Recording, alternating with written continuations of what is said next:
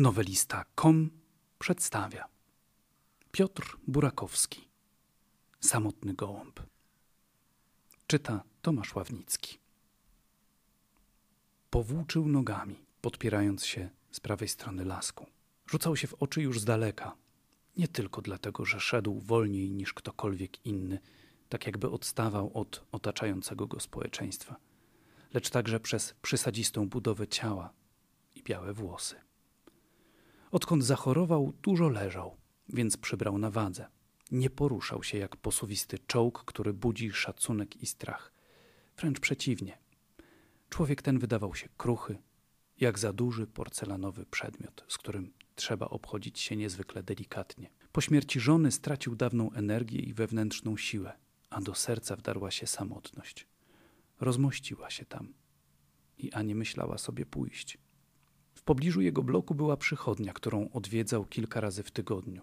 Kiedy wracał do pustego mieszkania, idąc tym swoim żółwim tempem, wiedział, że osamotnienie zniknie choć na chwilę. Po mozolnym przejściu przez pasy zawsze zatrzymywał jakąś kobietę, młodą albo już dojrzałą, rzadko zaś mężczyznę. Na teren bloku wchodziło się przez furtkę, jednak żeby do niej dotrzeć, należało wejść po kilku schodkach. Poradziłby sobie z nimi w pojedynkę, ale poproszenie o pomoc, której nie potrzebował, wiązało się z niezobowiązującą rozmową. Zanim on i jego towarzysz lub towarzyszka dotarli do furtki, mijało parę minut. Był to czas na pogawędkę. Dla obcego człowieka nic nieznaczącą, czasem nawet nużącą, dla starego mężczyzny będącą z kolei najprzyjemniejszym momentem dnia. Gdy rozstawał się z nowo poznanym człowiekiem, jego wnętrze ponownie wypełniała pustka.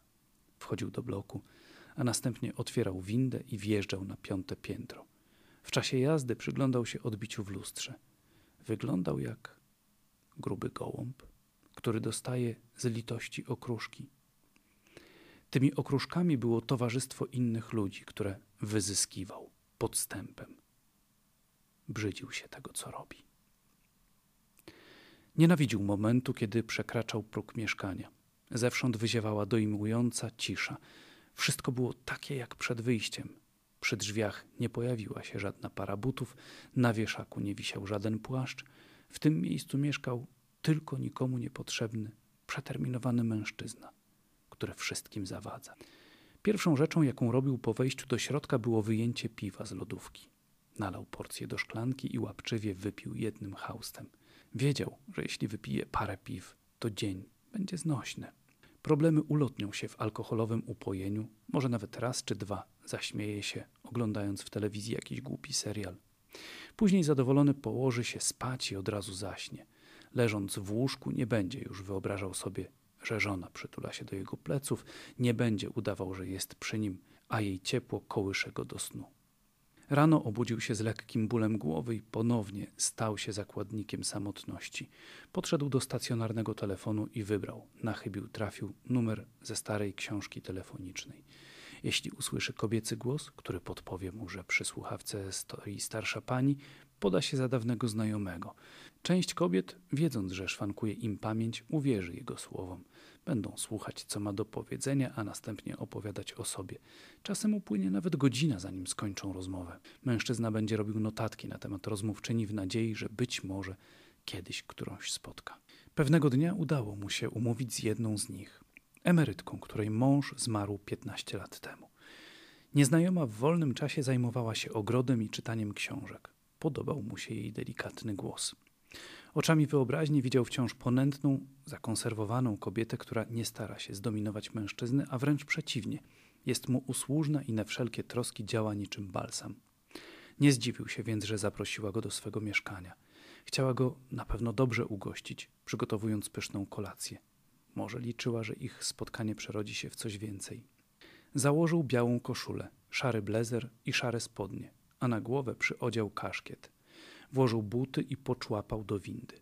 Na dworze czekała już taksówka, która zabrała go pod wskazany adres. Wybrał numer na domofonie i czekał.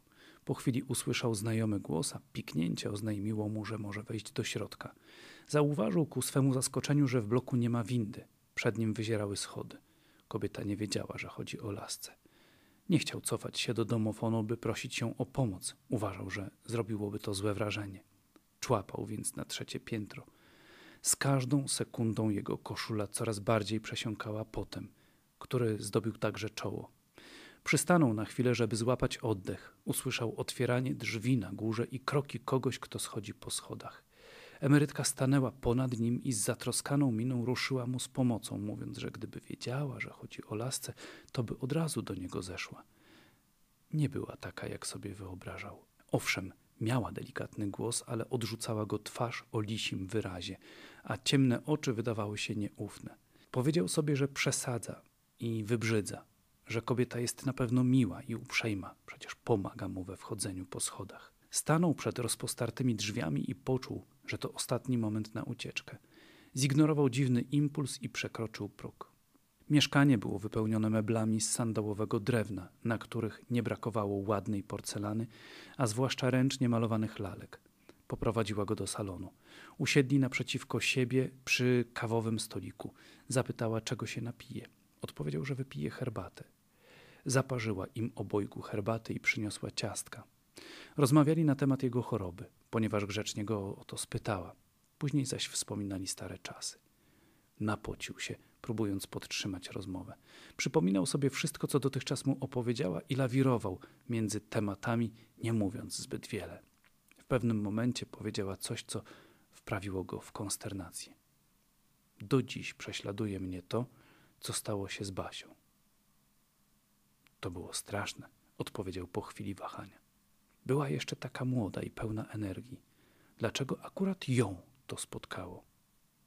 Nie pojmuję. Była taka dobra. Ja też tego nie rozumiem.